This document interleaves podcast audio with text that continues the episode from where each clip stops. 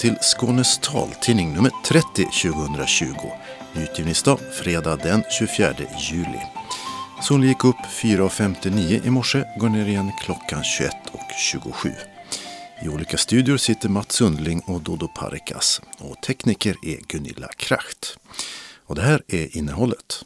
70-åring förlorade synen efter vårdsölande. Region Skåne får kritik. Fyraåring förlorade synen efter vårdmiss. Helsingborgs lasarett får kritik. Även vårdföretaget Capio är beredda på fler ögonpatienter till hösten. Kvinnor klarar internet bättre än män. Och även unga står utanför det digitala samhället. Några oväntade resultat i en undersökning om funktionsnedsättningar och internet. Vellinge förlorar i rätten men fortsätter neka sommargäster hemtjänst. Blind kvinna flyttade till Vellinge som nekade LSS-insatserna hon hade innan. Sommartid för många är lika med grilltid. Vi kollar in en bordsgrill som funkar både för den som ser lite och inget alls. Öppnat och stängt med soppkök och bad. I 9000 år har skånska tak täckts av vass och så gör man än idag. Sommarserien Skånska hantverk hänger idag med upp på ett tak på Österlen. Annons. Färgindikator köpes. Evenemangstips med båtsmän och trädgårdskonsert. Och så kalendern med Olsmäss och kastrullresa. Anslagstavlan så med inbjudning och ändringar i kollektivtrafiken. Och allra sist redaktionsrutan. En man i 70-årsåldern förlorade synen på ett öga efter att ha fått vänta för länge på vård. Och nu får Region Skåne kritik av Inspektionen för vård och omsorg, IVO. Mannen förlorade en dag plötsligt synen på ena ögat och hans fru kontaktade ögonkliniken på universitetssjukhuset i Lund. Och där hänvisades de till en vårdcentral. Och på vårdcentralen tog en sjuksköterska efter en snabb titt också hon kontakt med ögonkliniken. Då fick mannen en akut tid där, men fick sedan vänta flera timmar på att träffa en läkare. Ännu en timme senare skickades mannen till medicinakuten. Han hade fått en blockering i ett av ögats blodkärl och synen gick då inte att rädda. I sin anmälan till IVO skriver mannen att dröjsmålet gjorde att diagnos och korrekt behandling inte sattes in i tid. Och IVO håller med. De skriver att det saknades kunskap och kompetens för att bedöma patienten och sätta in rätt åtgärder. Och att mannen inte borde skickats mellan vårdinstanserna utan prioriterats för en snabbare behandling. Enligt IVO har Region Skåne därmed brustit i kraven på god och säker vård. Och att chefen för akuten inte har kunnat redogöra för varför mannen inte prioriterades. Men sjukhuset uppger nu att de har ändrat rutinerna. En fyraårig pojke blev blind efter misstag i vården. Han fick dock senare tillbaka synen. Men nu riktar Inspektionen för vård och omsorg, IVO, kritik mot Helsingborgs lasarett för bristande vårdrutiner. Pojken hade en hjärntumör som opererades och han fick kortison för att minska risken för att hjärnan skulle svullna. Men eh, två veckor senare började han kräkas. Det hade bildats en vätskeansamling i hjärnan och pojken lades in på lasarettet. Kort därpå tappade han all sin syn. Enligt IVO brast lasarettet i rutinerna för patienter med neurologiska symptom och en miss i noteringen av kortisonläkemedlet gjorde att pojken inte fick tillräckligt av det. Lasarettet gjorde en lex Maria-anmälan och uppger nu att de sett över sina rutiner och kommunikationen mellan medarbetarna. Läkarna förklarade fyraåringen permanent blind, men i julas hände det oväntade. Pojken fick plötsligt synen tillbaka. Vårdföretaget Capio räknar också de med en ökning av ögonpatienter. Tidigare har vi berättat att ögonsjukvården på SUS har börjat operera patienter som fått vänta sedan i våras. Då den förväntade coronastormen ställde in en tredjedel av verksamheten. Men där får bland annat gråstarrpatienterna vänta lite till. Bland annat för att just privata vårdföretag nu kan ta emot dem. Och vi har också berättat att vårdföretaget Aleris förbereder sig på en anstormning av ögonpatienter som kanske inte vågat söka vård tidigare. Och också vårdföretaget Capio, som erbjuder bland annat gråstarroperationer i Malmö och Lund, räknar alltså med fler patienter. Carl-Johan Bäckren är VD för Capio Medocular. I Skåne har vi kunnat erbjuda vård i ungefär samma utsträckning som förut vad gäller mottagningsverksamheten med de förändringarna i verksamheten som vi redan då hade vidtagit för att minska risk för smittspridning. Med allt. Vi hade glesat ut i väntrum och glesat ut mottagningar och så vidare. Så det har fungerat ganska så väl. Dessutom har det väl nu på den sista månaden också minskat i antalet av och ombokningar som var väldigt mycket från början. Mottagningsverksamheten har rullat på ganska så bra. Däremot har vi inte haft lika mycket operationer som vi normalt sett har. Då. Framförallt gråstarrsoperationer har varit mindre. Samtidigt så har vi utgått från eh, varje remiss och tittat på hur länge patienterna har väntat och hur den medicinska bedömningen som görs av våra läkare om när de behöver i sådana fall komma in. Och precis som vårdföretaget Aleris som vi hörde om i förra veckan så räknar Capio med en ökning av eh, patienter under hösten och planerar för att utnyttja sina befintliga resurser maximalt, säger Capio-chefen Carl Johansson Bäckgren. Framför allt så räknar Capio med en ökad mängd kataraktoperationer, alltså gråstarroperationer. När vi talade med Capio-chefen tidigare i våras så menade han att om antalet covid-19-fall ökade på samma sätt i Skåne som i Stockholmsområdet så skulle eh, Capio inte klara att ge ögonvård i den utsträckning som krävs. Men så blev det alltså inte. Nej, det har inte utvecklat sig på, på samma sätt. Vi har haft den beredskapen för att eh, kunna vidta de åtgärderna och även vara behjälpliga mot regionen för eh, vår legitimerade hälso och sjukvårdspersonal. Men vi har aldrig kommit dit, än så länge i alla fall. Har ni fått eh, säga nej till patienter därför att de har eh, tillhört eh, någon riskgrupp? Vi har haft dialog med patienter om eh, de har varit tvungna att komma in på grund av sin ögonsjukdom då, eller om det har varit lämpligt att de kommit in. Men eh, jag tror inte vi har behövt säga nej utan det har snarare varit patienter som inte har velat komma som vi har behövt tagit en, en dialog eh, och resonerat kring vad som händer med deras ögonsjukdom om de inte kommer in för behandling. Och eh, har det varit så att eh, någon faktiskt har utsatt sig själv för risk genom att inte våga komma till eh, er? Eh, inte mig veteligen. Jag tror vi har haft en, en, bra dialog där vi har lagt väldigt mycket resurser på medicinsk rådgivning i telefonen. Så det har fungerat bra, den dialogen med patienterna.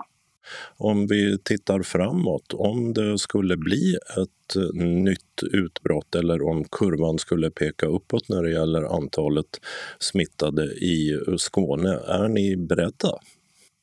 Eh, ja, vi följer det hela tiden och vi har ju utifrån situationen som har varit i framförallt Stockholm också en del erfarenhet inom organisationen om hur vi ska parera de sakerna. Vi har ju rutinerna för smittskydd, vi har rutiner för prioritering av patienter som vi följer redan idag. Och det som skulle behöva tillkomma mer då det är en tätare dialog med regionen för att se vilka patienter regionen tycker man ska prioritera eh, om de behöver hjälp med hälso och sjukvårdspersonal och så vidare. Så att, eh, jag anser att vi är beredda för den situationen. Hur har det sett ut i Stockholm jämfört med Skåne?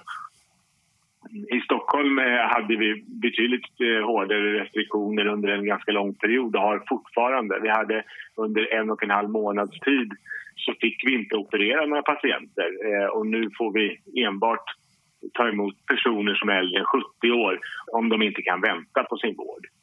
Så det har varit betydligt hårdare restriktioner. Vi ser att det släpper något där nu och regionens restriktioner är giltiga fram till den sista augusti så vi tror att det kommer att luckras upp något. Det sa Carl-Johan Bäckren som är VD för ögonsjukvårdsföretaget Capio Medocular. Reporter var Dodo Parikas. Samhället digitaliseras i snabb takt men alla hinner inte med och för den som en gång hamnat på efterkälken är det svårt eller kanske omöjligt att komma ikapp. Och det finns en tydlig digital klyfta som i mycket skiljer personer med funktionsnedsättningar från personer utan. Det visar en undersökning som gjorts av Begripsam som jobbar med tillgänglighet. Fast det går inte att säga att alla med funktionsnedsättning står utanför det digitala samhället. Det säger Stefan Johansson, huvudansvarig för undersökningen.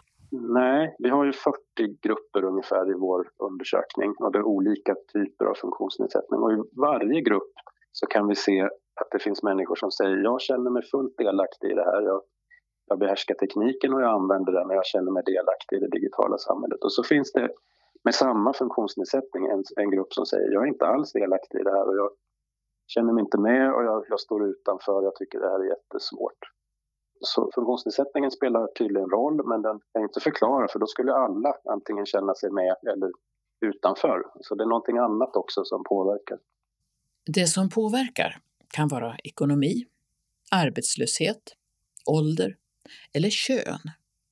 Till skillnad från de undersökningar som omfattar befolkningen i stort verkar män med funktionsnedsättningar ha svårare att klara internet än vad kvinnor har, säger Stefan Johansson. Ja, det, det är väldigt överraskande. För om man tittar på hela befolkningen så är skillnaderna mellan män och kvinnor väldigt små. Man vet att kvinnor använder sociala medier mer än män men i övrigt så är skillnaden små. Här, här ser vi att män med funktionsnedsättning de har betydligt större svårigheter än kvinnor och, och, vi kan inte riktigt förklara varför det är så. Men vi ser det och det såg vi i undersökningen för två år sedan också. Kan det ha något med de sociala medierna att göra? Ja, det kan det vara. Sociala medier är ett sätt kanske som man lär sig tekniken. Och är man aktiv där så, så kanske det är lättare att ta steget över och använda samma teknik till andra ändamål. Så det kan vara en delförklaring. Internetstiftelsen undersöker varje år hur svenskarna använder internet. Men urvalet är så litet att det inte går att utläsa skillnader mellan personer med och utan funktionsnedsättningar. Begripsam, ett företag och en förening med forskare och experter, många med egna erfarenheter av funktionsnedsättningar, har därför gjort den här undersökningen, där personer med funktionsnedsättningar har jämförts med en kontrollgrupp utan funktionsnedsättningar. En liknande undersökning gjordes alltså 2017 och nu kan man jämföra resultaten. Och det visar sig att gruppen med funktionsnedsättningar sedan dess har fått ökade problem med banktjänster. Ja, det verkar som att banktjänsterna har blivit lite svårare de senaste åren. I alla fall så är det fler som rapporterar att de har svårigheter med att till exempel betala sina räkningar via en internetbank. Det, det har blivit lite svårare. Anger man något skäl till det? Finns det, kan man se varför det blir svårare? Nej, den här typen av undersökning ser man inte det. Vi, vi går inte så djupt så att, så att man all, alltid vet varför. Men en sak som vi misstänker är att många har svårt med, med bank-id.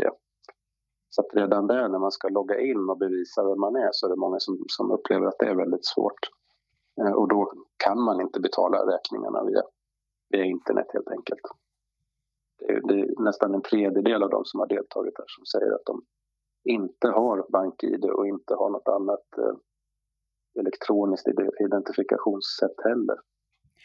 Och då är man ju i princip nästan helt utestängd från samhället. Ja, det är svårt att utnyttja den digitala delen av samhället om du inte kan identifiera dig. Det är många tjänster som, som kräver det. Även sjukvården till exempel har ju kopplat sig till det här systemet så du, du måste du måste kunna identifiera det med, med bankernas identifikationslösning eller någon annan aktör. Och kan du inte det så kan du inte använda de här moderna sjukvårdstjänsterna heller. Det här är svårt mycket för personer med synnedsättning, just det här med bank-id och inloggningar och så.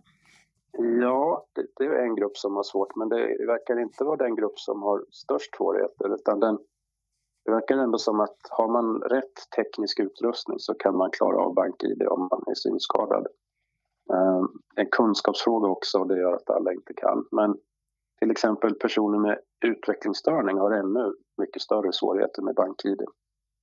Jag såg i utredningen här att eh, tre, fyra blinda personer måste ha hjälp av någon för att eh, komma in på internet eller för att ja. vara på internet. Det, det, där är ju någonting som, som är problematiskt. Vi vill ju gärna klara saker själva och att sköta vardagsärenden via internet är en sån sak som vi gärna vill klara själva. Men här, här har vi många som i olika situationer tycks behöva be någon annan om hjälp. Att eh, problemen med banktjänster ökat förvånade Stefan Johansson och han blev också förvånad över att den här digitala klyftan är tydlig redan bland tonåringar. Uppfattningen är ju att ungdomar som fötts in i det digitala samhället inte har några svårigheter att klara av det. Ja, man skulle kunna tro det, men, men vi ser faktiskt att är du ung och har funktionsnedsättning så, så etableras den här digitala klyftan redan ganska tidigt. Redan i tonåren så kan man se att man till exempel har mindre tillgång till smarttelefon. Eh, om, om vi tar alla ungdomar i Sverige så har, har nästan 100 en, en smarttelefon. Men så ser det inte ut bland ungdomar med funktionsnedsättning. Där är den siffran lägre. Och man kan tänka sig hur det är att leva och växa upp i ett samhälle utan att ha en smarttelefon och vara ung. Det, då blir man nog lätt utanför. Och det där, det där verkar inte försvinna sen utan den klyftan ser vi finns kvar genom hela livet. Vet ni då varför det är så? Är det för att man inte vill, inte kan eller för att eh, föräldrar och skola har fördomar om att den här ungdomen klarar nog inte det här? Jag har svårt att tro att man inte vill. Jag tror inte att det skiljer sig på det sättet att vara ung med eller utan funktionsnedsättning utan de flesta skulle nog vilja använda den. Jag tror att det har mycket med, med ekonomi att göra, att man har mycket sämre ekonomi. Det kan också finnas en del fördomar och, och en omgivning som kanske inte tror att man kan använda den här tekniken och så. Men vi vet faktiskt ganska lite om det. Vi ser bara att det är en skillnad. Kan inte, kan inte med den här undersökningen riktigt förklara varför. Det finns ju, finns ju en del som diskuterar de här frågorna som säger att det är en åldersfråga. Att det är bara bland äldre som det finns en, en digital klyfta. Och så kan det se ut när man tittar på hela befolkningen. Men, men vi ser ju här att när, när vi också lägger till funktionsnedsättning så är klyftan där redan när man är ung. Och vad gör man åt det då? Jag tror man måste se till att alla har tillgång till tekniken och har utrustningen och, och uppkopplingar och allt sånt där. Att, att, att, man måste se till att unga människor har det. Det är, det är liksom en del av en samhällelig infrastruktur som alla människor borde få vara delaktiga i. Vi ser till exempel nu i coronaeffekter här att Många som har studerat hemma har ju haft svårt, eller det finns, finns grupper som har haft svårt att göra det därför att de inte har tillräckligt bra internet till exempel eller, eller de har inte tillgång till en dator så att de kan sitta uppkopplade hela dagarna och så. Och det, det, det, finns grupper i samhället som inte har tillgång till tekniken. Jag tror man måste börja där. Är det någon skillnad mellan olika typer av funktionshinder när det gäller ungdomar? Ja, det är skillnad. Det är alltid vissa grupper som som rapporterar de största svårigheterna. Vi, vi har synskadegruppen där, de har stora svårigheter. Vi har också funktionsnedsättningar som påverkar språket och den intellektuella förmågan. Det är de tre grupperna hela tiden som, som har, har störst svårigheter. Genom hela livet då? Ja, det, det, det pågår genom hela livet. Men kan internet någonsin bli tillgängligt för alla? Nej, säger Stefan Johansson.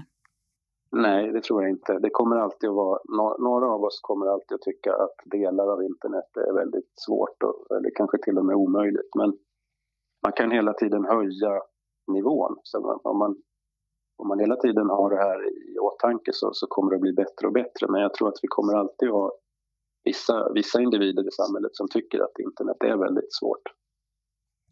Men vad får det för konsekvenser i så som samhället utvecklas nu? med allt mer digitalisering?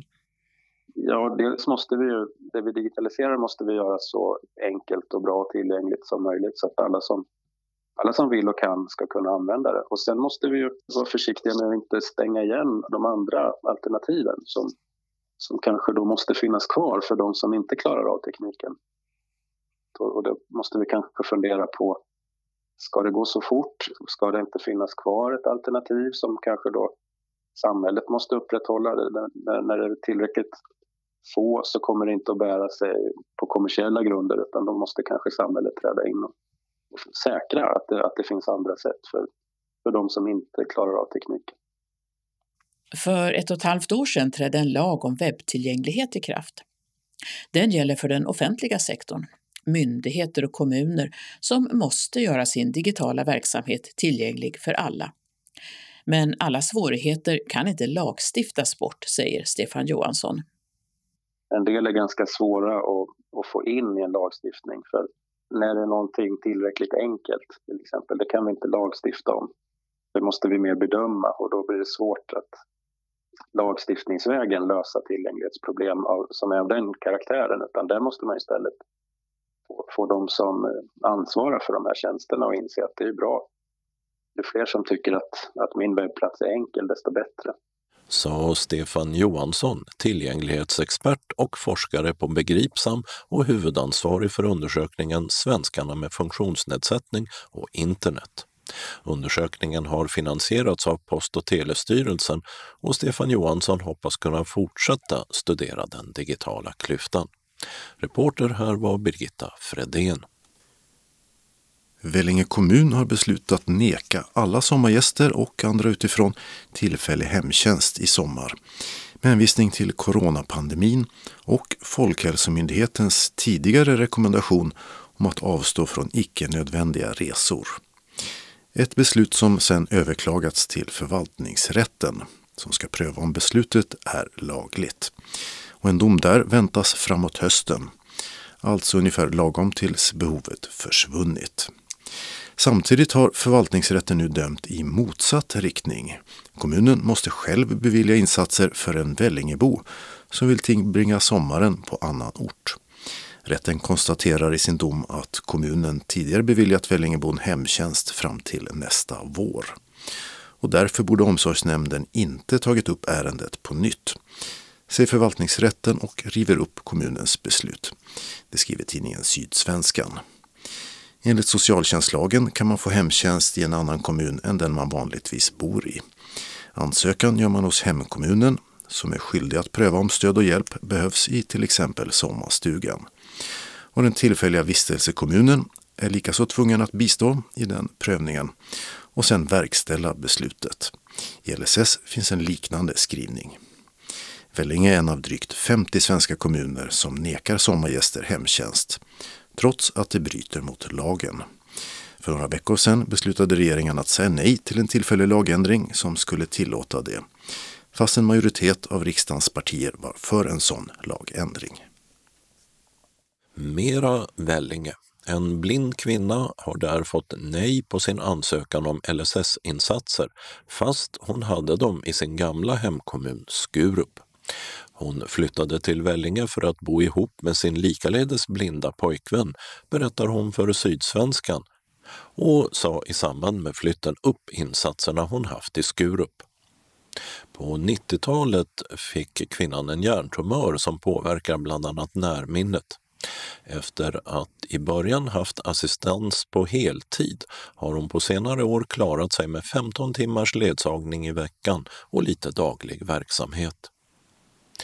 Men den nya hemkommunen Vellinge gav avslag på alla delar av hennes ansökan. Trots en rad utlåtanden från läkare och psykologer menar kommunen att det inte går att styrka att kvinnan har en tillräckligt allvarlig funktionsnedsättning för att vara berättigad till insatser och pekar på att kvinnan klarar måltider, hygien och kommunikation själv. Vellinges vård och omsorgschef säger till tidningen att man följer den rättspraxis som finns vid LSS-besluten. Kvinnan sitter nu mest hemma och planerar att överklaga beslutet.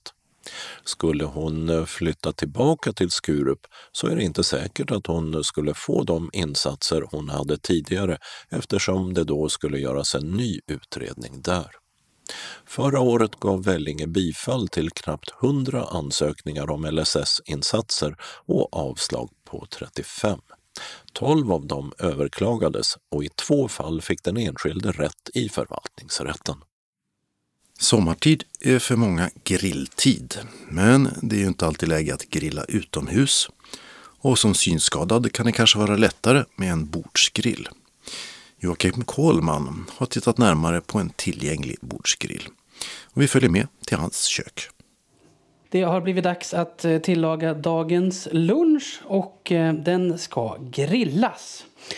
Jag köpte redan för många år sedan en eh, sån här bordsgrill som man kan ha hemma. En elektrisk sådan naturligtvis. Och den här har kämpat på tappert men jag har också tyckt på senare år att den kanske inte riktigt håller måttet längre. Så jag började leta efter en ny grill att kunna grilla på och det som väl var lite kriterium för att den skulle kunna passa i det här hemmet var naturligtvis att den ska vara tillgänglig att använda om man inte ser. Och så eh, skulle den ju helst ha lite coola funktioner. Och så ska den klara av att både liksom grilla kött och göra varma mackor till exempel. Till slut så hittade jag någonting som heter OptiGrill och igår så flyttade den här tingesten in. Och det här är ju då en ganska stor grill. Ehm, det är en sån här så kallad kontaktgrill så att man eh, den har ju då två grillplattor liksom. Man lyfter upp ett stort handtag här för att öppna den här grillen. Så har den också ett tråg ner till i plast där eh, vätska och fett och så ska rinna av. Så de här bottengrillplattan så att säga, den lutar lite grann. Och den övre eh, plattan den är också väldigt flexibel. Eh, så att den liksom ska kunna läggas an mot köttet. Den gamla grillen som fanns i det här huset den hade liksom gångjärn i bakkant. Och, då förstår ni själva vad som händer om man lägger på en stor köttbit. Då eh, var det väldigt mycket uppe fram och lite öppet bak och det var svårt att få en jämn grillyta och så här. När man då stänger ner det här handtaget, eh, så det är ett stort handtag, ganska brett, eh, ingen risk att bränna sig där. Och här finns då ett antal knappar Eh, närmare bestämt en, två, tre, fyra, fem, sex, sju, åtta, nio, tio stycken knappar. Det är inte touch utan de här knapparna är ordentligt och bra kännbara. Eh, idag så ska jag grilla hamburgare och det finns ett färdigt läge för det. Det finns färdiga lägen för hamburgare, kyckling, mackor, korv och bacon, Eh, Eh, vanligt kött och fisk. Och så kan man också då ställa in ett liksom valfritt temperaturläge också. Den här har också ett defrostläge så du kan alltså ta din kycklingfilé direkt ur frysen, aktivera defrostläget och lägga kycklingen på grillen och sen vänta tills det blir klart. Så det som jag ska göra nu då, eh, det är att jag först startar den här grillen genom att trycka på powerknappen. Då hör ni den piper fint. Nu börjar de olika valen här blinka. Jag ska göra hamburgare idag, så då trycker jag på hamburgerknappen. Och sen trycker jag på OK-knappen som finns längst till höger. Får ett bekräftande pip där och eh, ser man lite grann så finns det också en stor ljussymbol här nu som börjar blinka för att visa att nu håller grillen på att värma upp sig. Så nu är det bara att vänta tills den piper nästa gång för att tala om att den är färdig. Så då kan man ju liksom börja förbereda här. Jag öppnar kylskåpet och så ska jag hitta mina hamburgare. Det är bra att ta fram dem en liten stund innan här så de hinner bli lite varmare. Jag har köpt så här färdiga hamburgare idag faktiskt. Jag har fuskat lite grann. Lite sås kan ju vara bra att ha. Ska vi se om jag har någon rostad lök hemma också. Det hade ju varit gott. Jag gräva runt lite här i skafferiet och se vad man hittar. Kaffebönor hittar jag. Det kanske inte blir så himla bra. Verkar som att jag får leva utan rostad lök på de här hamburgarna. Jag hittade den rostade löken. Härligt. Jag har också tagit fram bröd här redan ur frysen som ligger här och ska tina sig lite grann. Så nu pågår som sagt uppvärmningen. Det här går ganska fort. Den värmer upp sig fort och den svalnar också väldigt fort efteråt. Vi ska naturligtvis komma till det också, den här liksom rengöringsbiten och hur, hur lättjobbat det är om man då inte ser så bra. Jag ser om jag hittar en liten grilltång.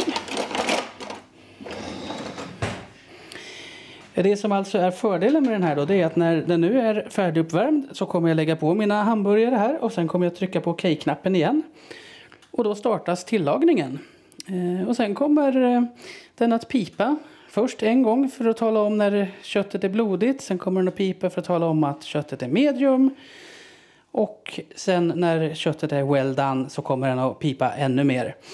Då kan man återigen trycka på den här OK-knappen för att eh, då aktivera ett varmhållningsläge. Så då avslutas grillningen och så hålls maten på grillen varm tills man väljer att stänga av den. Ska vi se om jag lyckas ta mig in här till de här hamburgarna. De är väl paketerade. Sådär.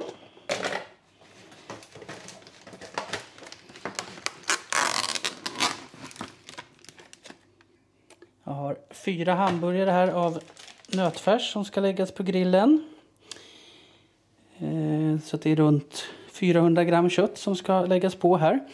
Och den här grillen den har ju då liksom någon sorts sensorer som ska känna av hur tjockt köttet är för att anpassa den här tillagningstiden.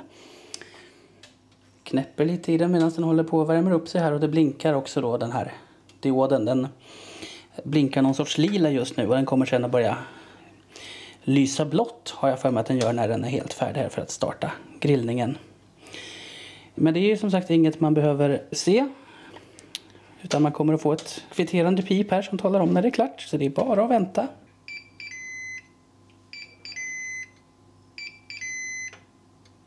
Sådär, de där tre pipen talar om att grillen är färdig.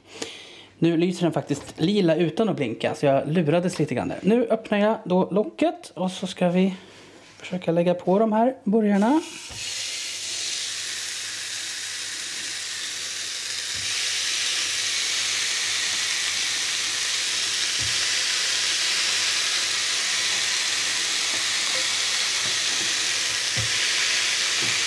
Då ligger alla fyra burgarna på. Nu stänger jag och så trycker jag på OK-knappen igen. Och nu så blir den blå för att tala om att nu har tillagningen startat. Och det fina med det här det är ju nu då att eh, nu behöver jag inte göra något mer utan nu är det bara att stå och titta på här. Man ska inte lyfta på något lock eller någonting utan bara vänta. Den här färggrejen om man ser den börjar sakta nu byta färg så den börjar och kommer att gå mer och mer åt grön. Eh, som är det första läget. då kommer den att pipa. Sen kommer den att pipa igen när den kommer till eh, eh, det gula läget och sen kommer den pipa väldigt mycket när den kommer till det röda läget. Och det är då som maten kommer att vara färdig. Oj, kom första pipet här. Redan är köttet blodigt. Går undan. Det var alltså inga klipp däremellan kan jag ju säga utan det, det gick så där fort till det första läget. Jag vill ha mina hamburgare well done så att jag får vänta en liten stund här innan det. Men som ni märker så går det väldigt fort. Nu kom nästa gula blink här. Eh, jag tror att det kommer att komma ett ett pip till innan liksom det färdiga pipet kommer. Men man behöver ju inte vara orolig liksom för att inte maten blir färdig. Jag har redan provat att göra både fläskfilé och kycklingfiléer på den här grillen. Med, med väldigt bra och, och resultat. Just kyckling vill man ju vara lite extra noga med men eh, det gick väldigt bra och det blev väldigt saftigt och gott så det var inte så där torrt som, som kycklingfilé kan bli. Då. Men hamburgare har jag inte testat innan så det ska bli en, bli en upplevelse. Det är bäst att ta fram en tallrik här för det här går ju fort.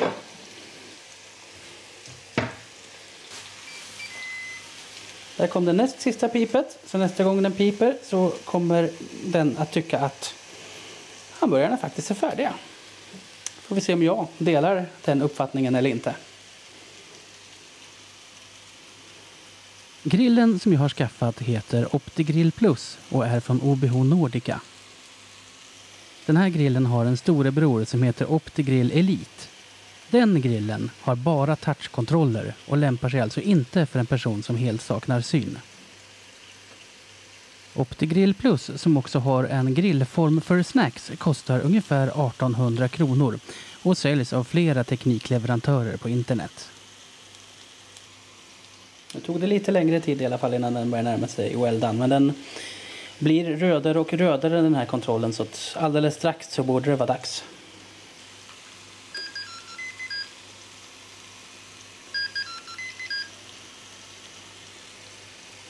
Så, och det där betyder nu då att nu är det färdigt. Så nu trycker jag på OK-knappen så går grillen ner i eh, varmhållningsläget. Nu lyfter jag här för att titta hur mina burgare ser ut. säga att det ser ju ser lovande ut det här.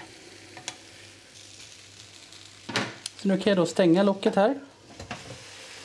Så fortsätter de att steka lite till eftersom ju värmen fortfarande är på. Men sen kommer den att gå ner i, i varmhållningsläget. Så de får ligga där en stund medan jag gör i ordning mina bröd här så länge.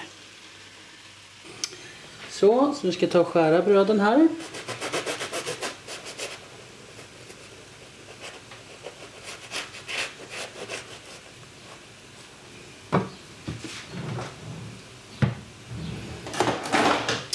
Inser jag att jag har glömt nästan det viktigaste av allt. Jag har ost på sina hamburgare, annars, annars blir det inte så bra. Lite sås ska vi ha. En klick här på varje bröd.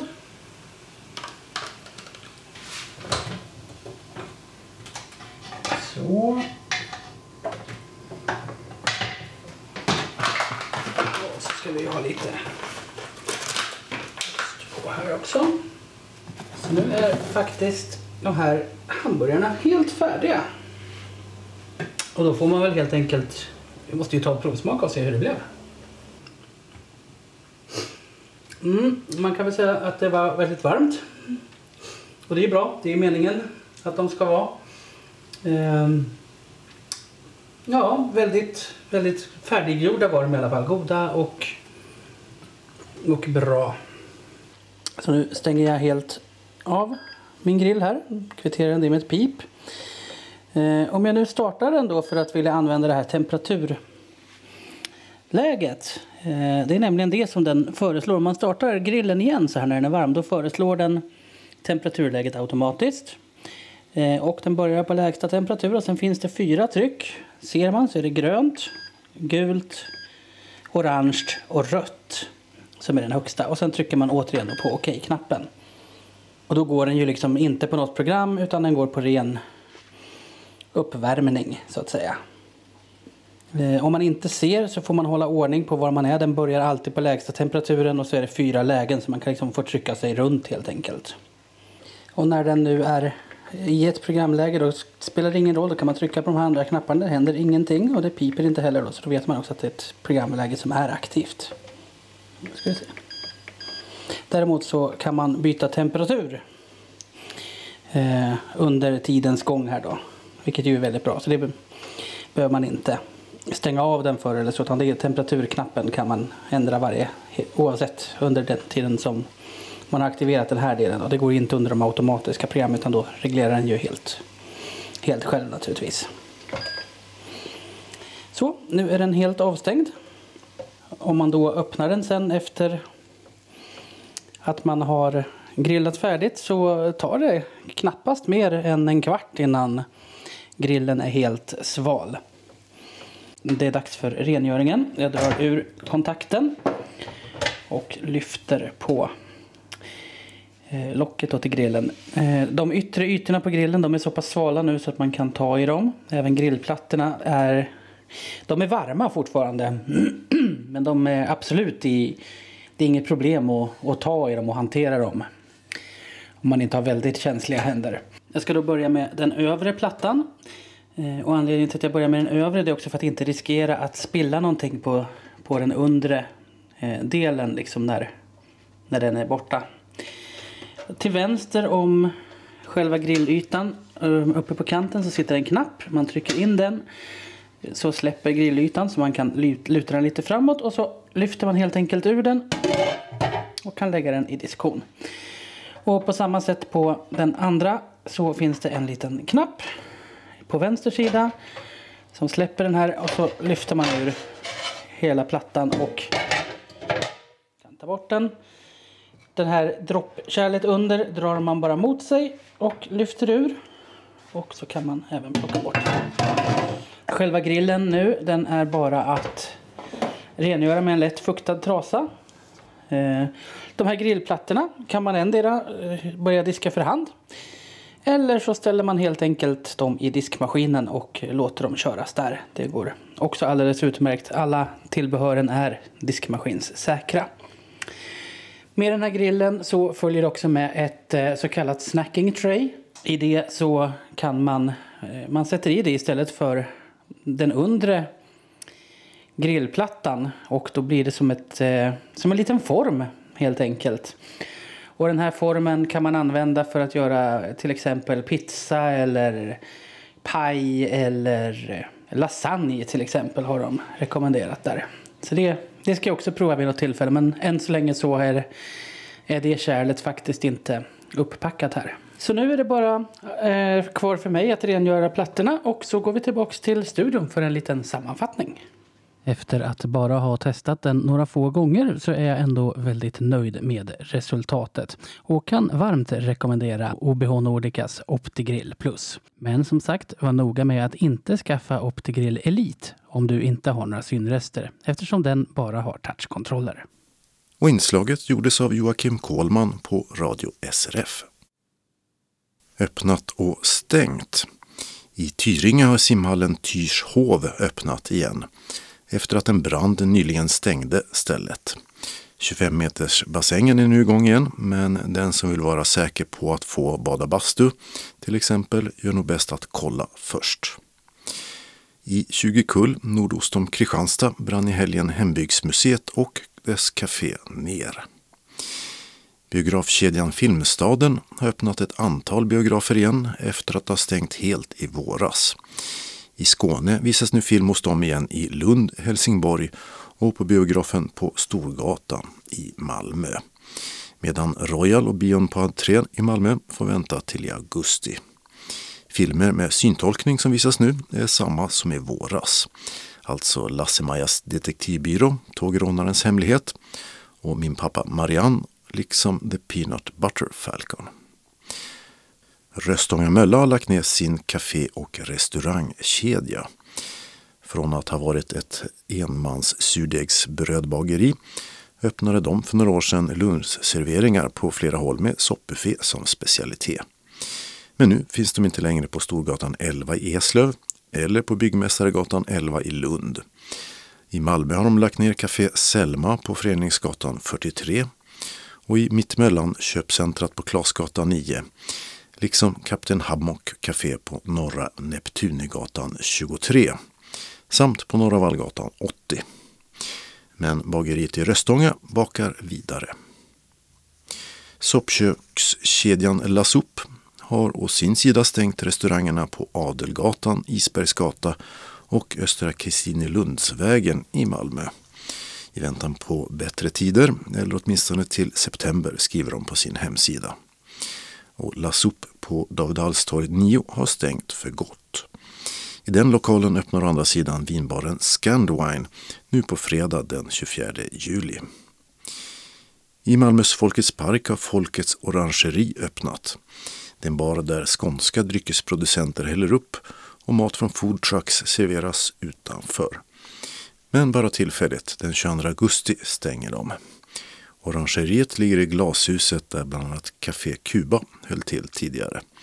Och gatuadressen är Amiralsgatan 35. I Simrishamn har bokvaruhuset Österlen, som också var paket och spelombud, gått i konkurs och stängt. Men lokalen på Storgatan 34 har tagits över av nya ägare som enligt anslagen i fönstret snart öppnar en ny bokhandel. I Skurup har Café Rökhuset öppnat vid Svaneholms slott, i lokal där det låg ett annat café fram till 1969. Nu serveras smörrebröd, bakverk och numera också pokebowls.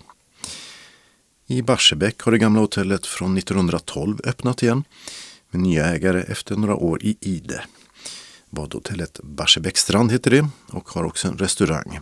Och de planerar att ha öppet året om. Adressen är Kustvägen 125. Och i Genarp utanför Lund har spahotellet The Lodge Resort, som gick i konkurs och stängde för två månader sedan, öppnat åter med nya ägare. Redan för 9000 år sedan lades de första vasstaken i Skåne. Och än så lever hantverket, bland annat i händerna på vasstaktäckaren Laurent Tott. Veckans avsnitt i sommarserien Skånska hantverk tar oss med upp på ett tak på Österlen. Vi ska till Bengt Sagnert som är pensionerad lagman från Lund. Hans familj har sedan 40 år tillbaka ett sommarhus utanför Vitabys tätort. Och nu håller det på att få ett nytt basttak. Det är vårt fritidshus. Och vad är det som pågår? Ja, det pågår vasstäckning på ena sidan av huvudbyggnaden. Och eh, det är ett fascinerande hantverk att titta på. Gammal teknik som förenas med moderna byggställningar och så vidare.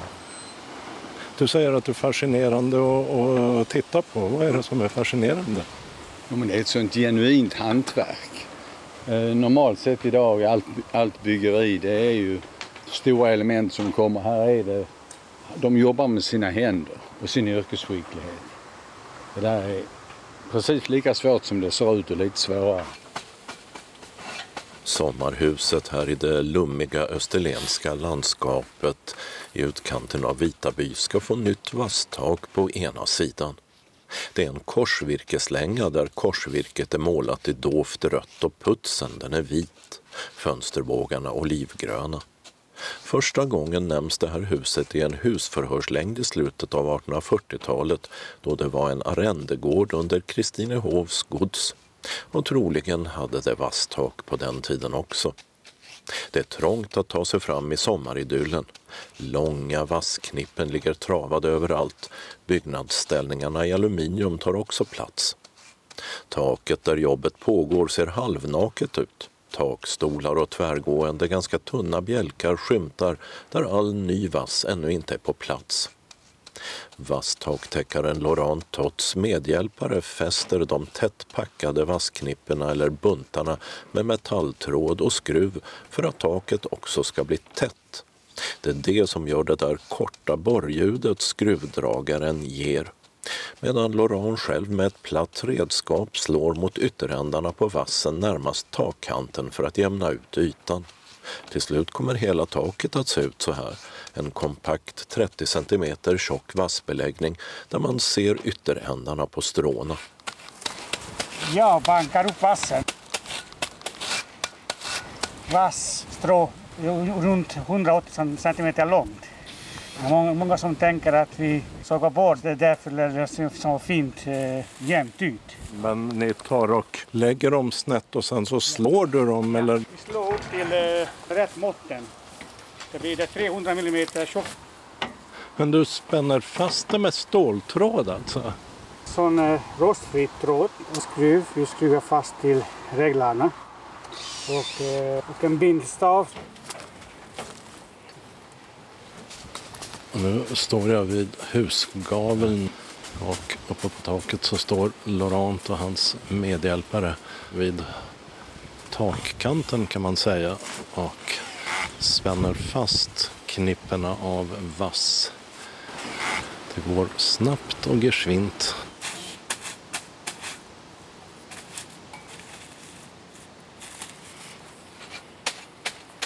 Och eh, bredvid huset så står hela flak med stora knippen av vass. En del har vipporna kvar. Det är inte ett tegeltak precis. Var det någonsin någon tanke om att nej, vi lägger något nyare och billigare? Nej, så det är ju det som är husens charm. Det där det andra huset är en gammal lada. Den hade inte vasstak tidigare. Men eh, för ett antal år sedan så la vi det där också. Detta är vackert.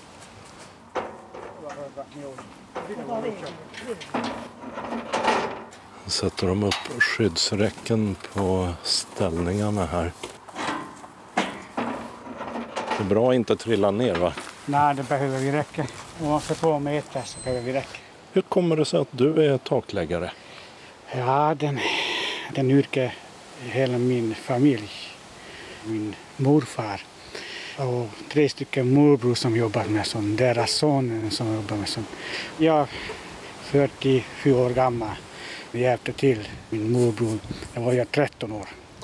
Trots den tidiga starten som hantlangare när han var 13 år så tänkte Laurent Tott definitivt inte att han skulle arbeta som vasstaktäckare utan utbildade sig till bilmekaniker hemma i Ungern. Men hur det nu var så återvände han till rötterna och fortsatte lära sig hantverket. Så småningom kom han att arbeta i både Holland och Danmark och sedan 2007 här i Sverige där han har ett företag baserat i Malmö där också lagret finns. Men vad skiljer då ett skånskt vasstak från ett ungerskt? Ja, utformningen för gamla skånskt tak är nästan är samma. Vi pratar om takskägget. Eh, det kan vara 90 grader eller finns det 60 grader spetsigt. Det är nästan samma.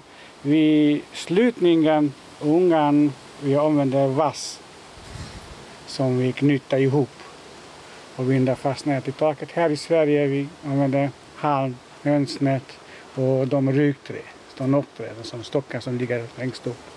Ja, högst upp på nocken på ett korrekt lagt skånskt vass eller stråtak så ska det ligga halm, linhalm och så fäster man korslagda så kallade ryggträn över halmen hela vägen längs med nocken på bägge sidor.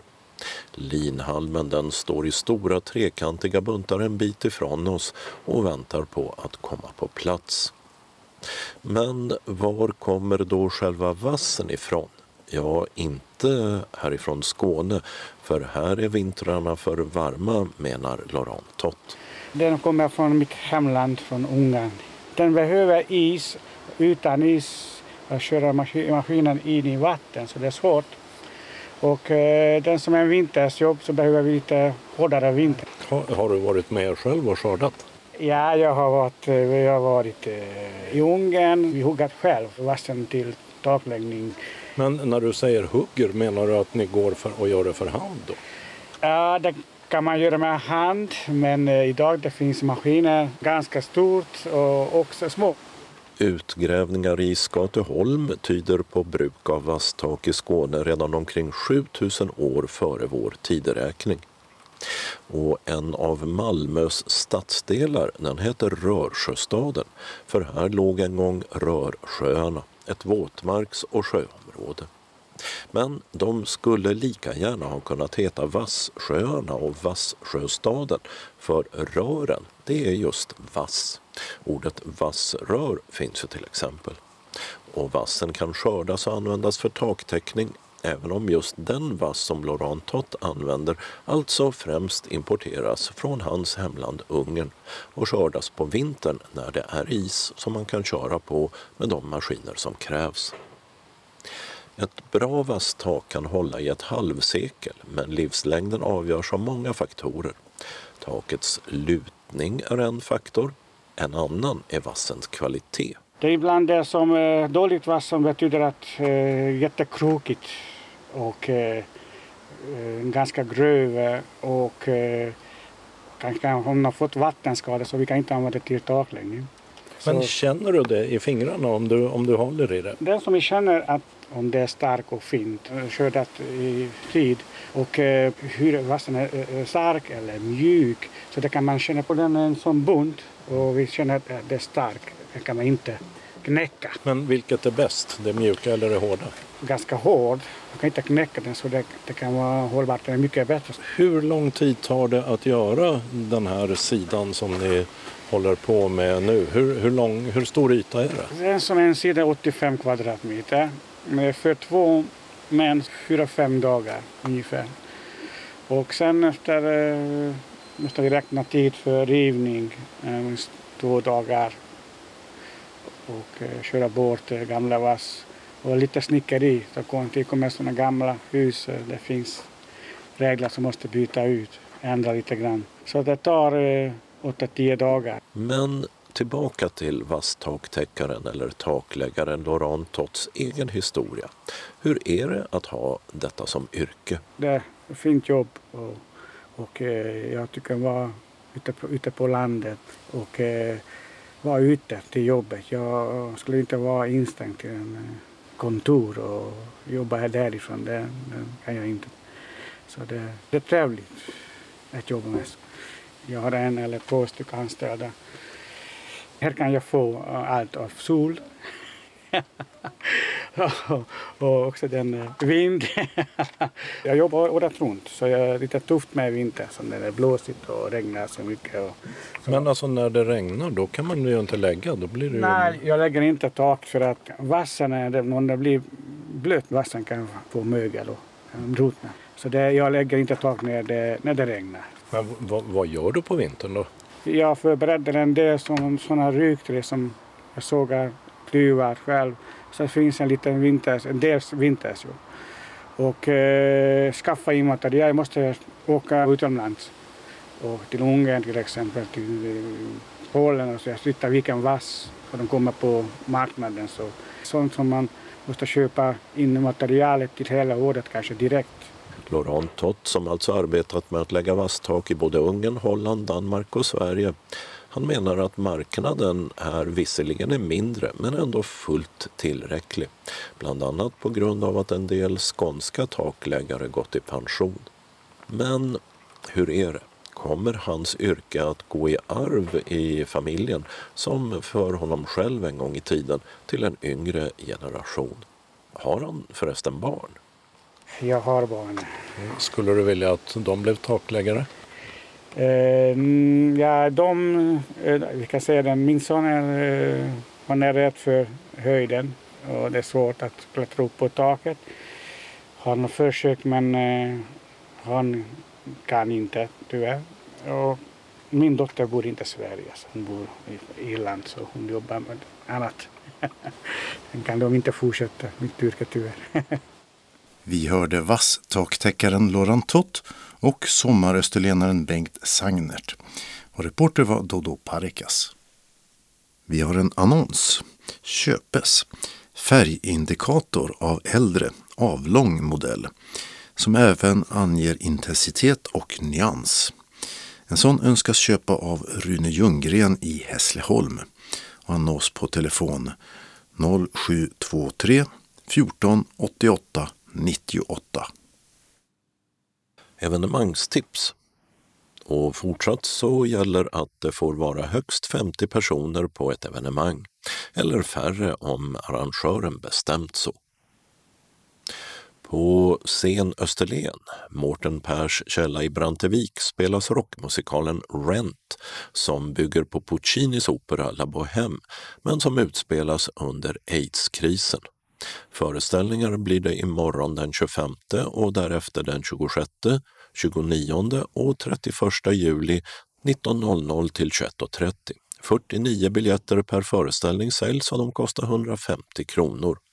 Biletto som säljer biljetterna har enbart försäljning på nätet men Scen Österlen har telefon 0765 45 60 89 berättarteater av skånska författare med Ingvar Andersson och Maria Ingvarsdotter spelas på Hängbygdsgården Västergårda i Vinslöv nu på lördag den 25 juli och söndag den 26 juli 19.00 till 20.30.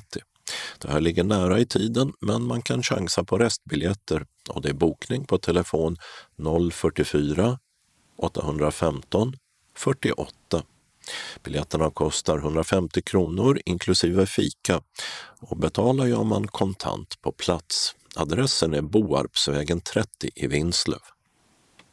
Vid Hörs Mölla vid Hörån i Stenskogen spelar den lokala musikskolans sommarensemble The Woods den 26 juli mellan 15 och 16. På programmet står film och folkmusik. Våffelcaféet håller öppet mellan 13 och 17. Underhållningen kostar ingenting men för våfflor och dricka får man däremot betala. Öppen trädgård vid Kajutan i Ängelholm blir det den 28 juli mellan 11 och 15. Där bjuds det på våfflor och kaffe utomhus, vilket innebär att om vädret är dåligt så ställs evenemanget in. Arrangören, Kamratföreningen Flottans män, nås på telefon 0768 49 48 61 och alla är välkomna. Adress Östergatan 89, Ängelholm. Den som bor i norra Rörum har möjlighet att boka musikunderhållare som kommer hem till de som inte bör ta sig ut under pandemin för att delta i aktiviteter. Underhållarna är i byn mellan 13 och 15.30 den 29 juli. Info och förhandsbokning fixas på telefon 0413 249 16 och det går till Hörs församling. Uppträdandet som kallas Ring så sjunger vi sker utomhus, förslagsvis i den inbjudandes trädgård. En utomhusguidning med tema Hovdalas och adelsfamiljen Ehrenborgs historia ordnas på Hovdalas slottsområde vid Finjasjön i Hässleholms kommun den 30 juli mellan 14 och 14.45. Det kostar 100 kronor om man inte är upp till 12 år gammal, för då kostar det ingenting. Och det får vara högst 10 deltagare. Den 6 augusti klockan 12 är priset 120 kronor och då får man en guidning och vandring om parkens historia och nutid. Butiken på Hovdala som säljer biljetter har telefon 0451 26 68 00. Från Puccini till Sinatra är namnet på en konsert den 30 juli 19.00 i Hemmestynge kyrka med Tenore Amore, det vill säga operasångarna Nils Olsson och Johan Palmqvist, ackompanjerade av pianisten Thomas Jonsson. Det är fri entré och mer information kan fås på telefon 0410 261 67. Arrangör är Källstorps församling konsert med den blekingska kören Bach-speglarna blir det den 1 augusti i Heliga Trefaldighets kyrka intill stationen i Kristianstad. Det är fri entré och konserten ges två gånger samma dag, mellan 16 och 17 samt 18 och 19 med 50 personers gräns båda gångerna. Svenska kyrkan i staden har telefon 044 789 6400 om man vill ställa några frågor om evenemanget. Konsert i sommarmorgonen bjuds det på den 1 augusti mellan 10 och 10.30 samt 11 och 11.30 på Kulturhuset Anders innergård i Hör. Adress Stenskogsvägen 2. Det är Hanna Thiel som trakterar sin Viola da Gamba då. Det serveras kaffe och te till den som så önskar och har med sig sin egen kopp. Konserterna rymmer 50 personer och är gratis men publiken får gärna ge bidrag i kontanter eller med Swish. Vid regn flyttar musik och publik inomhus och arrangörerna lovar att då möblera glest. Tisdagar och torsdagar till och med 27 augusti så anordnar Regionmuseet en timme långa guidade historiska stadsvandringar i Kristianstad. Dessutom kan man gå på en skulpturvandring i staden den 19 augusti. Klockslaget är 17.30 till 18.30 för vandringarna. Samling utanför regionmuseets entré. Och det här kostar ingenting. Museet nås via telefon 044 620-1900. Botaniska trädgården, eller Botan i Lund, är platsen för Goodnight Sun-kvällar med Peter Tegnér och gästartister som bjuder på musik till solnedgången. 14 augusti spelar klarinettisten Blagoj Lamjonov. Biljettsläpp till detta sker 31 juli klockan 11. 15 augusti uppträder sångerskan Camilla Tsipogiannis som beskrivs som en artist i Sarah Brightmans anda. Biljettsläpp 1 augusti 11.00. Och 16 augusti är det dags för artisten Magnus Skogsberg Ter med biljettsläpp 2 augusti 11.00. Alltihopa via Ticketmaster. Konserterna börjar 20.00. Och Goodnight Sun kommer till fler platser. Vejbybadet, Kustvägen 17 i Vejbystrand får besök följande gånger. 1 augusti av Blagoj Lamjonov, 2 augusti Camilla Tsipogiannis och 3 augusti Rasmus Svensson och Anders Thorén. Tillsammans bildar de Wildy med musikaliska influenser från Nashville, Memphis och Austin. Tiden är 20 till 21.20 alla tre gånger. Biljettbokningen har telefon 0431 821 30 och sista bokningsdag är satt till idag, fredagen den 24 juli. Lund var en gång fullt av kyrkor och den 1 augusti mellan 15.15 och 17.00 kan man få reda på vilka de var och var de låg. Då blir det nämligen en vandring i staden med tema Heliga platser. Svenska kyrkan arrangerar och det är samling vid Liberiet intill domkyrkan. Vandringen är gratis. Musikalkomedin Viva la Greta med teater Svea Mattea spelas på Kulturhuset Flamman, Hantverkaregatan 7 i Svedala. Handlingen kretsar kring den eh, före detta sångerskan Greta Molin på slottet Rosendal som har påhälsning av ett gäng hippies. Och kommunen vill riva hennes hem och bygga höghus. Spelas 14 och 21 augusti 19 till 21.30 samt 15, 16, 22 och 23 augusti 14.00 till 16.30. Biljetterna kostar 120 kronor. Seniorer från 65 år och uppåt samt 12 till 20-åringar betalar 90 kronor medan barn till och med 12 års ålder betalar 50 kronor. Teater Svea Mattea nås på telefon 0709 90 16 44. Bokning kan också göras via hemsidan sveamatea.se. Den 19 augusti mellan 18 och 19 gästas Malmö konsthall av den danska stråkkvartetten Halvcirkel som främst spelar nyare klassisk musik i en mix av improvisation och komposition utan noter och utan regler som de beskriver sig själva. Nyckelorden är närvaro och intensitet. På programmet den här kvällen står Anders Lauge Meldgårds Fragment 94 och Terry Rileys Salome Dances for Peace for String Quartet. Spelar gör Bettina Maria Esaki och Pernille Christiansen på violin samt Mika Persdotter viola och Nicole Hogstrand cello. Det är fri entré och insläppet öppnar 17.30 via restaurang Smaks ingång Sankt Johannesgatan 7. Som överallt när det gäller publika evenemang är antalet platser begränsat.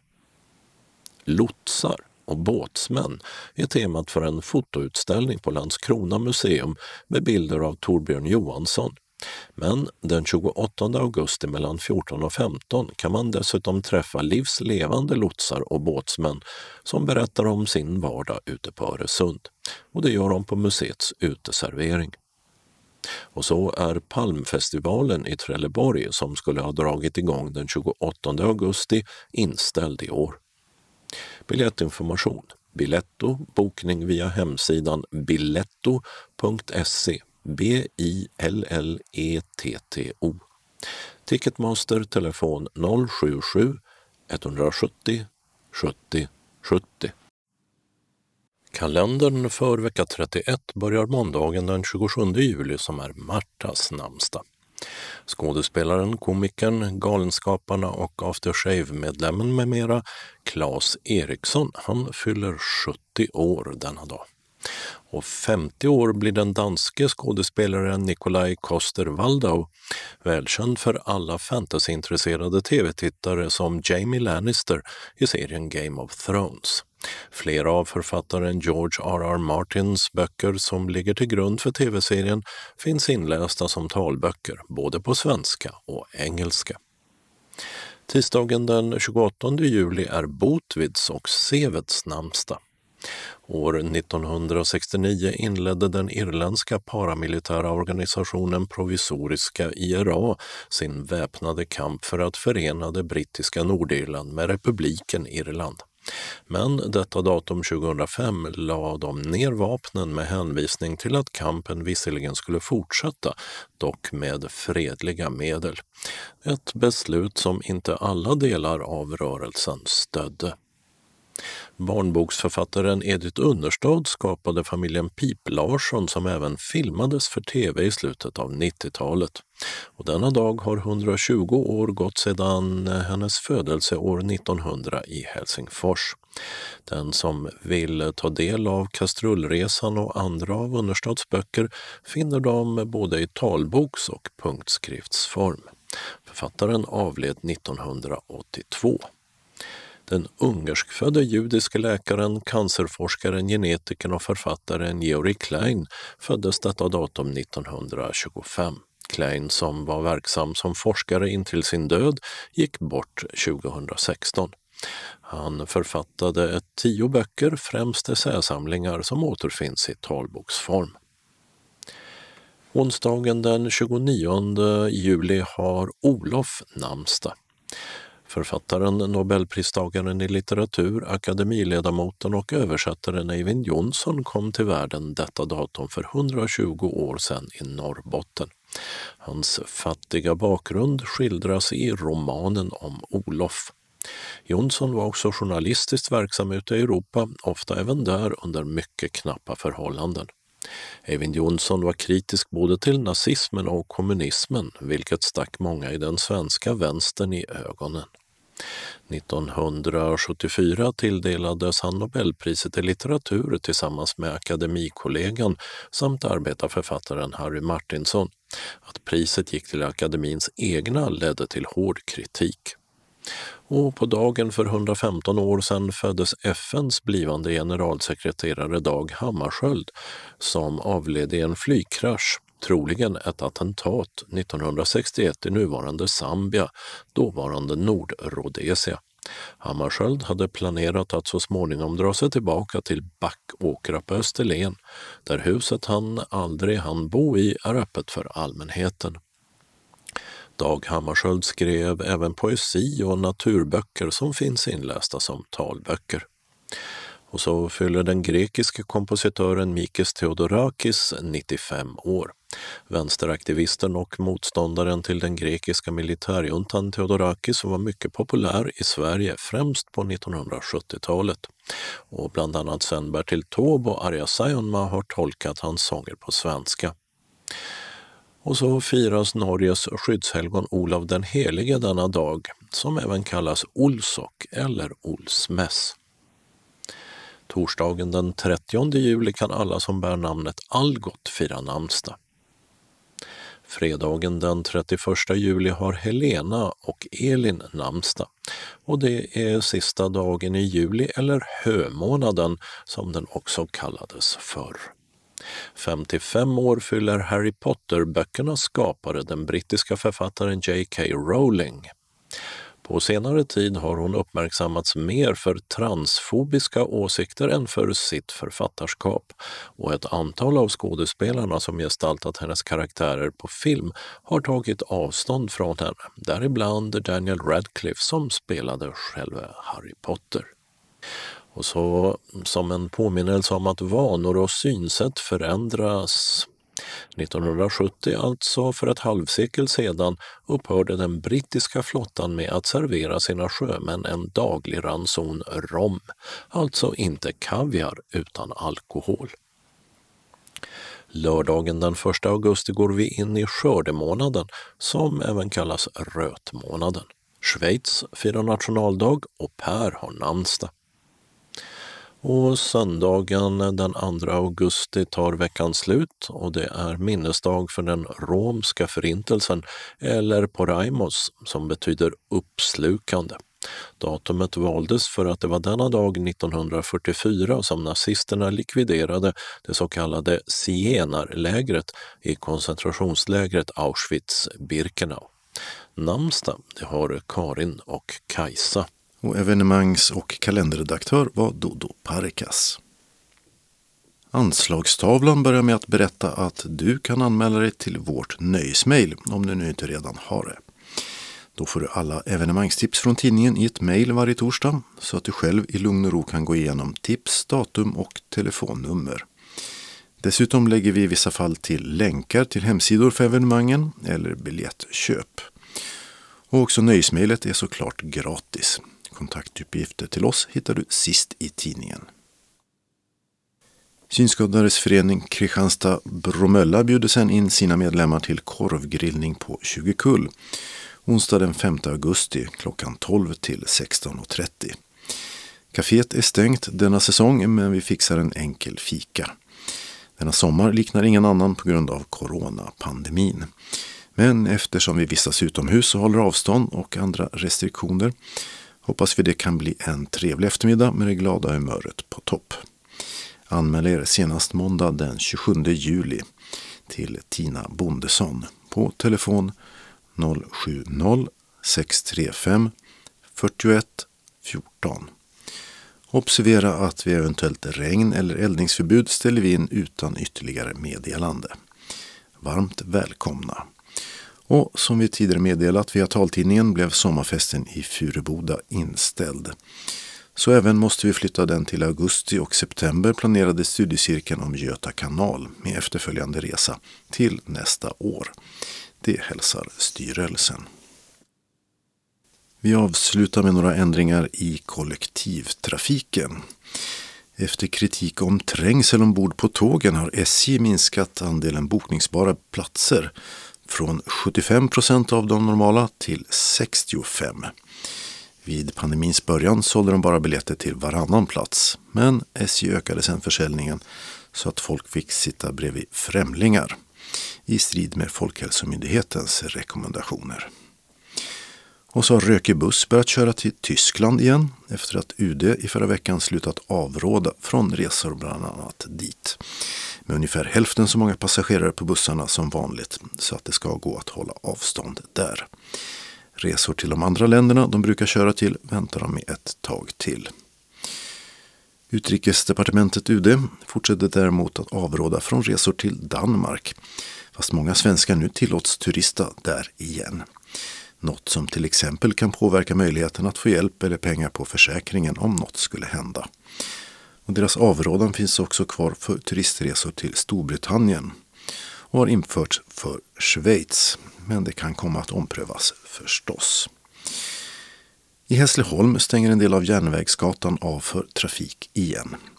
Från tisdag den 28 juli klockan 7 till den 31 juli klockan 16 så blir det så här för stads och regionbussarna. Hållplatsen Hässleholm central, läge C, D och E är stängd. Resande med regionbuss 511, 532, 535, 536 och 542 hänvisas istället till läge G på Magasinsgatan där tågersättande buss brukar stanna.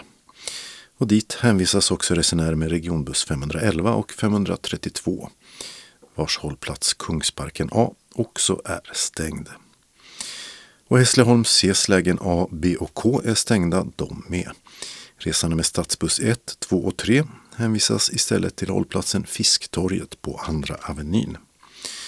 Och hållplatsen Tredje Avenyn, läge B, är också stängd. Stadsbuss 2 stannar istället på hållplatsen Borggårdsgatan A och den ligger på Tredje Avenyn.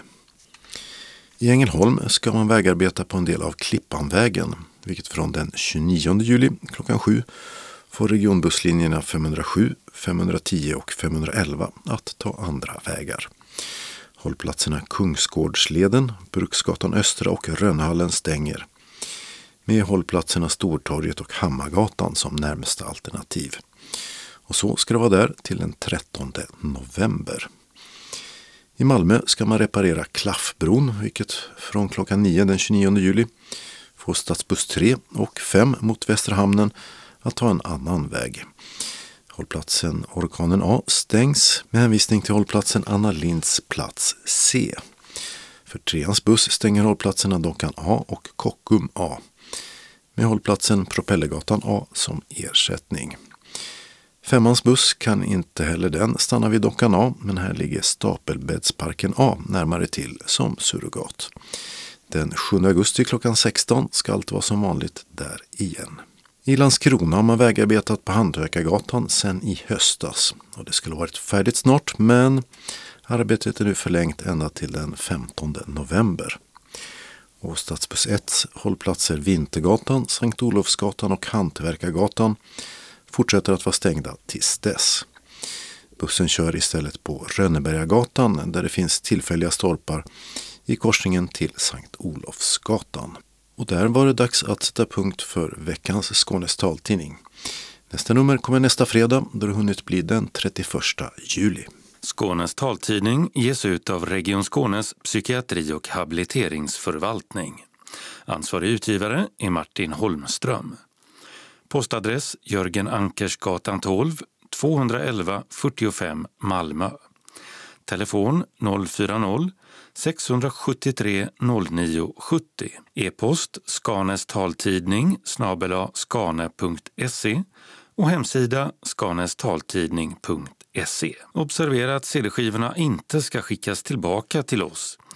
Såväl skivor som kuvert kan läggas i brännbara sopor när ni inte längre vill ha dem. Vi hörs igen. Hej då!